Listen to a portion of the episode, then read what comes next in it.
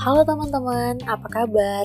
Kali ini suara Modivia kembali hadir. First of all, saya mau ngingetin dulu nih buat teman-teman yang belum sempat ngedengerin episode sebelumnya, kalian bisa langsung cari di Spotify atau Anchor atau di Google Podcast. Dan biar nggak ketinggalan informasi, jangan lupa di follow Instagramnya modiviapdp atau kunjungi websitenya di www.modivia.org.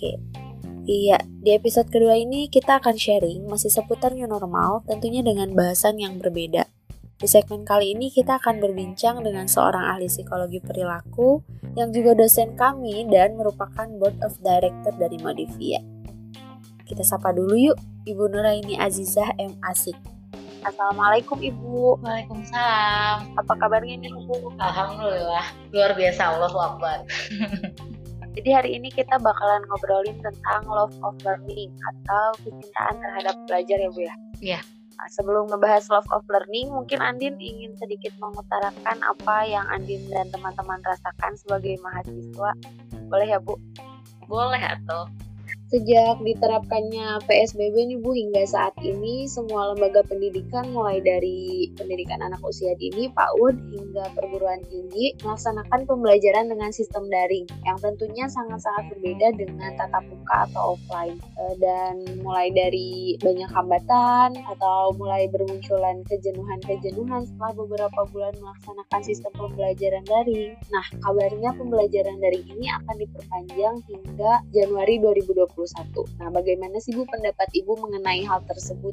Um, itu dari sisi Andin ya sebagai mahasiswa ya yang Betul, terdampak uh, kondisi saat ini. Um, sebelum kita bahas pembelajaran secara umum juga, aku juga pengen uh, curhat dari sisi seorang dosen.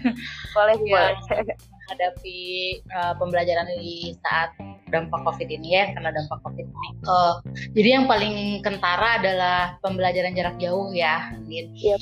Uh, ini kan um, karena nggak boleh ketemu atau misalkan harus diminimalisir ketemu pun sekalipun ketemu nanti harus jaga jarak dan sebagainya. Jadi sekarang itu pembelajaran dipilih uh, dengan jarak jauh di mana uh, untuk dosen mungkin kalau misalkan dosen-dosen yang muda itu uh, masih familiar lah gitu untuk menggunakan teknologi-teknologi yang bisa Betul. menghubungkan antara mahasiswa dengan dosennya dan menyampaikan metode-metode yang uh, lebih variatif dan bisa uh, menjelaskan sejelas-jelasnya agar uh, audiensnya paham gitu. Tapi kalau yeah. untuk dosen-dosen yang uh, senior itu jadi tantangan berat banget karena biasanya tetap muka semuanya gitu ya.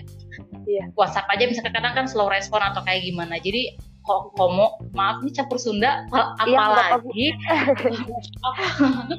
apalagi ini harus uh, kenalan sama kayak Zoom, Skype, um, Google Meet. Kalau tiap universitas punya learning online learning sistemnya sendiri kayak UIN punya LMS gitu kan ya. itu banyak uh, aplikasi dan hal-hal yang perlu diadaptasi oleh dosen juga gitu untuk bisa memberikan layanan yang optimal ke mahasiswanya gitu materi-materi pun sebelumnya yang cuma misalkan PowerPoint aja kan uh, asa bosan atau dan kerasa lebih kerasa tuh bosannya kalau misalkan uh, kuliah mah ada gimmick-gimmick bisa sambil bercanda segala macem gitu ya sambil ya, ngelihat teman-teman kalian gitu kan. Hmm, senang gitu ada ada hiburannya gitu lah ngelihat muka-muka dede-dede gemes gitu ya. Kalau misalkan uh, online kayak gini kita ngelihat PPT ah apaan bosan? Jadi kita pun jadi uh, lebih cepat ngerasa bosan uh, mikirin metode pembelajaran. Jadi tiap minggu tuh kayaknya pengen apa ya apa ya? gitu yang baru terus kalau mentok jadinya stres atau kayak gimana gitu. Ya, jadi tantangan kalau dari sisi pengajar kayak gitu sih ya. Sebenarnya kurang lebih mirip cuma beda setting gitu kan ya. Yeah. Nah, di kalau pembelajaran secara umumnya sendiri sebenarnya bisa kita lihat dari dua sisi ya.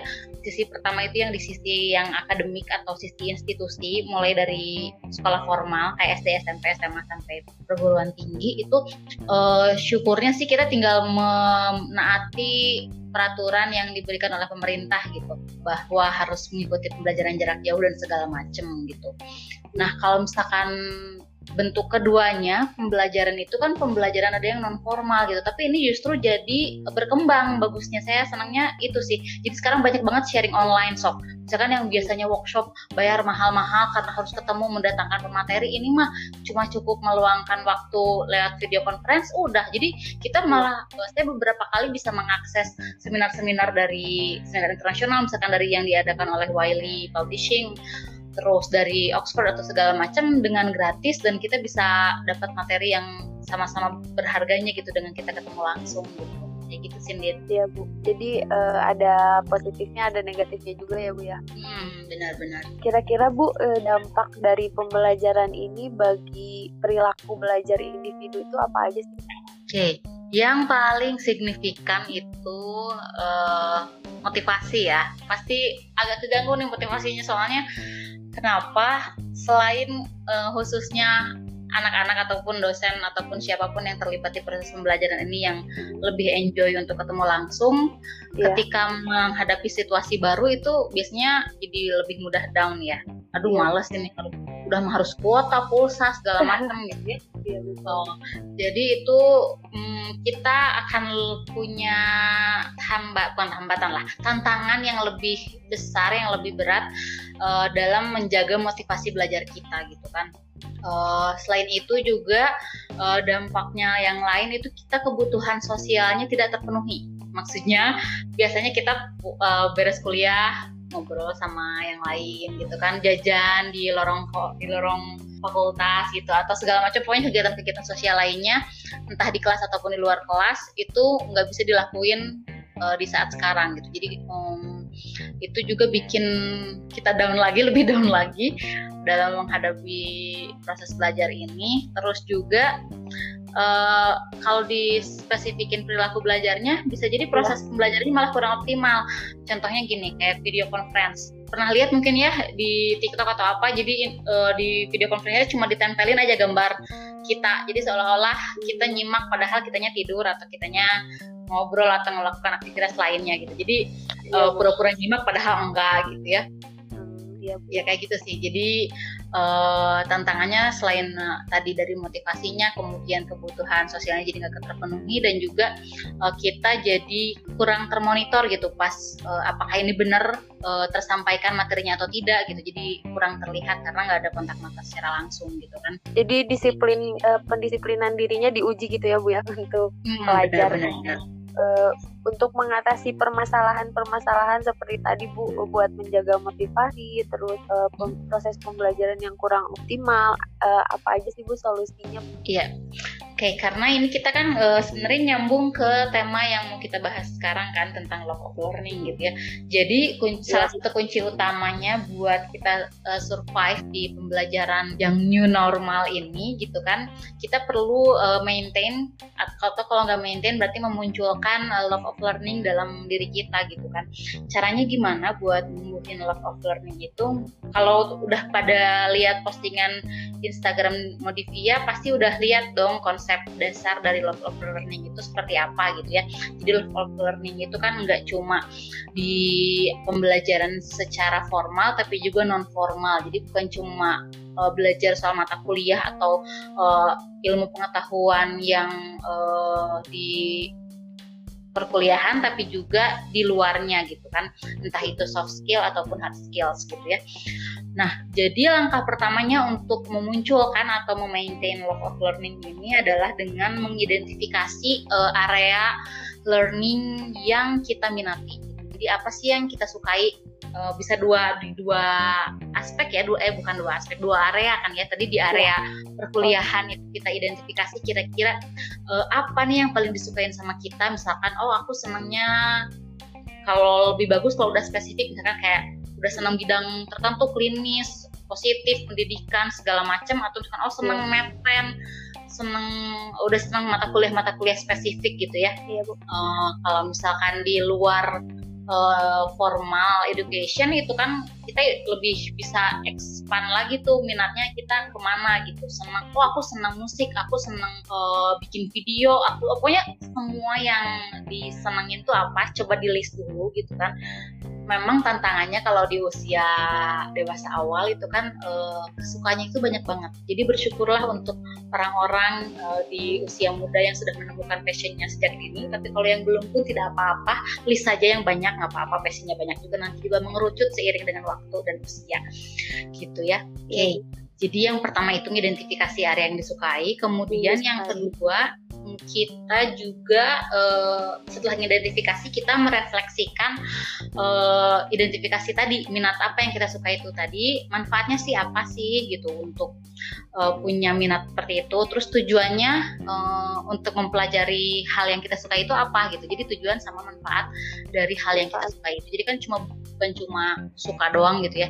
Suka pun harus ada tujuan dan manfaatnya es being pragmatic being pragmatic aja sekarang mah gitu ya uh, eh, yeah. pragmatic itu kan bukan berarti harus punya keuntungan secara tangible secara yang terlihat tapi pun yang tapi juga yang nggak terlihat pun kita bisa dapat manfaat sebenarnya kan Oke, okay. setelah identifikasi refleksi, kemudian kita juga bisa ngediskusiin uh, minat kita itu ke orang-orang yang kira-kira uh, cocok buat diajak diskusi gitu. Mulai dari teman yang kira-kira oh minatnya sama nih misalkan terus nanti kalian bisa bikin kegiatan baru lah atau kayak gimana gitu untuk uh, ningkatin uh, proses pembelajaran yang diminati bersama itu. Atau misalkan nanya ke ahli-ahli which is sekarang akan lebih terbuka gitu kalau kalian udah ngeceng-ngeceng para ahli yang ada di area mana di daerah mana pun gitu bisa dihubungi dengan online gitu kan.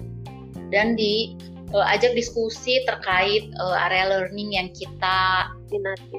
minat gitu. Kemudian setelah itu kita bisa menemukan hal yang baru terkait area learning yang kita minati itu gitu. Syukur-syukur dapat hal yang baru. Kalaupun enggak juga misalkan e, mengasah gitu ya kalau yang udah punya mah gitu. Kalau punya yang baru itu sebenarnya bisa ningkatin local learning gitu. Tiap kita nemuin sesuatu yang baru itu bikin kita excited dan kita jadi makin semangat buat e, mempelajari hal itu gitu kan. Oh iya iya. Oke. Okay uh, segitu dulu. Mungkin Andin mau nambahin atau mau ada yang bertanyain lanjut? jadi harus diidentifikasi dulu harus tahu dulu ya bu apa yang hmm. lebih kita minati terus gak cuman tahu tapi harus memahami juga apa manfaat dan tujuan jangan hanya cuma suka doang gitu ya iya hmm, seberapa penting sih Bu untuk menjaga love of learning di era new normal ini terutama bagi para pelajar nih Bu? Oke, okay. seberapa penting ya? Uh, kalau ekstrimnya nih love of learning itu sebenarnya salah satu hal yang bisa bisa bikin kita hidup. Uh, kenapa bisa bikin kita hidup karena kalau misalkan kita nggak pengen belajar ngapain hidup oh gitu juga.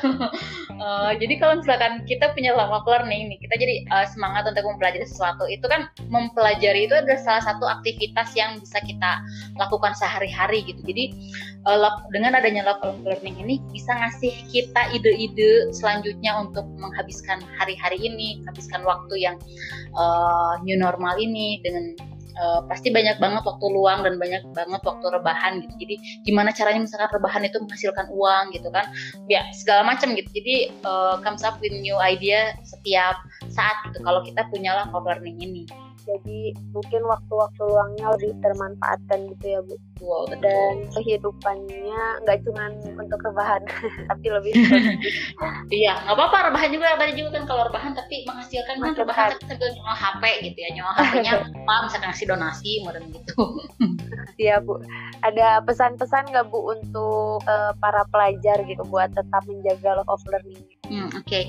uh, eh, sebenarnya tadi sih saya coba simpulin aja dari yang tadi kita obrolin ya.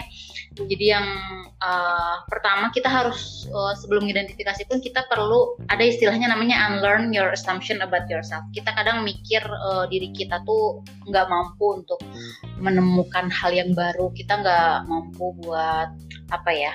Ah itu mah susah. Misalkan pengen belajar bahasa Inggris, ah belum belajar aja udah males duluan karena kayaknya mah susah harus ngapalin vocab segala macem gitu. Atau misalkan statistik ah statistik mah susah jadi udah merah duluan. Nah itu uh, salah satu hal yang bisa menghambat kita dalam memaintain of learning kita gitu. Jadi itu harus dipecahkan dulu gitu kan diterobos dulu uh, caranya gimana lihat itu sebagai masa lalu kita gitu. Jadi diri kita yang dulu itu melihat itu sebagai kesulitan, tapi diri kita yang sekarang dan yang akan datang itu melihat hal tersebut uh, bisa kita lakukan dan mungkin untuk dicapai kan? Itu yang pertama. Kemudian uh, selanjutnya juga kita perlu menemukan apa core dari motivasi kita gitu. Jadi bukan cuma tadi ya apa yang jadi minat kita tapi mengapa kita meminati itu gitu. Jadi harus tahu juga kenapa kita uh, senang sama satu hal kenapa kita terdorong untuk melakukan hal A daripada hal B gitu. Terus hal A itu untungnya apa emang gitu untuk uh, kita pelajari atau kita lakukan gitu ya. Oke. Kemudian uh, yang terakhir juga kita perlu bisa memutuskan hal yang uh, kita minati itu untuk kita jalani selanjutnya gitu kan. Nggak masalah misalkan kita suka hal A seminggu terus minggu depannya ubah lagi nih hal B as long as itu bisa uh, produktif dan bermanfaat untuk diri kita gitu. Tapi kalau misalkan udah nemuin hal yang spesifik itu lebih bagus juga dan kalian bisa lebih konsisten membangun uh, satu hal itu menjadi keahlian kalian ataupun ciri khas uh, kalian ke depannya dalam love of learning kalian itu gitu sih. Ngomong-ngomong tadi nih Bu uh, kan uh, biasanya suka hopeless duluan gitu kalau misalkan mau mempelajari hal-hal yang baru atau yang kita susah. Terus tadi kata ibu harus melihat itu sebagai masa lalu kita bukan sebagai masa depan. Gimana tuh bu caranya? Um, ya. Biasanya oke okay, ada yang namanya feedback sama feed forward. Kalau feedback itu ya suka dong ya pas praktikum kan feedback itu biasanya evaluasi setelah kita ya. melakukan sesuatu tuh ya. Iya bu. Nah ada yang namanya feed forward. Kalau feed forward itu adalah evaluasi pada hal-hal yang belum kita lakukan dan akan kita lakukan. Jadi kita ngevaluasi itu kedua arah ngelihat ke belakang, ngevaluasi hal-hal yang udah kita lakukan dan juga kita ngevaluasi ngebayangin apa yang akan kita lakukan ke depannya. Sehingga kita akan punya petunjuk uh, apa yang kita lakukan sekarang gitu. Jadi kita ngelihatnya dua arah masa lalunya apa yang bisa kita pelajari, apa yang bisa kita perbaiki, uh, apa yang kurang dari diri kita. Misalkan tadi tantangan ya pas hopeless itu kan udah uh, takut duluan. Iya. Cari tahu tuh kenapa, apa yang bikin takutnya. Nah, udah udah tahu apa yang bikin takutnya itu terserah ya caranya entah googling, ngobrol, uh, konsultasi sama siapa pun gitu kan untuk tahu alasan dibalik kita takut ini Freudian banget sih tapi nggak apa-apa ya. Jadi harus tahu alasan uh, kenapa kita takut. Uh, setelah kita tahu alasannya kita bakal bisa ngatasi itu sebenarnya kan sama Allah dikasih akal ya. Jadi udah tahu yeah, misalkan minimal pakai Google ya, googling sekarang mah apa-apa kan googling. Yeah. Itu lumayan sih. Syukur-syukur kalau misalkan lebih dikaitkan sama Allah ya, maksudnya sambil baca Quran. Kadang uh, nyari petunjuk di Al-Quran pun bisa gitu di indeks Quran. Misalkan uh, ada kendala apa terus kita cari uh, di Quran itu biasanya pada petunjuk-petunjuk tertentu yang uh, nggak nggak secara uh, eksplisit tapi implisit dan kita harus uh, bisa menerjemahkannya ke dalam konteks uh, perilaku kita konteks masalah kita sendiri gitu. Jadi ya itu sih um, belajar. Love of learning juga jadi bisa bantu kita untuk uh, mengalahkan rasa takut kita dalam keengganan kita mempelajari hal yang baru. Baik Bu, cukup jelas dan sangat jelas.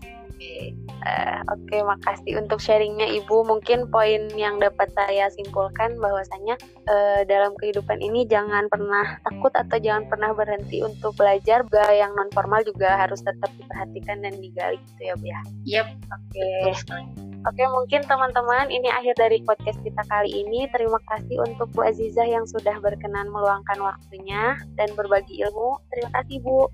Iya, sama-sama. Terima kasih juga Andin dan nah, semua pendengar Modivia. Mudah-mudahan Modivia sukses selalu. Amin. Ibu juga semoga sukses selalu. Assalamualaikum. Waalaikumsalam warahmatullahi wabarakatuh.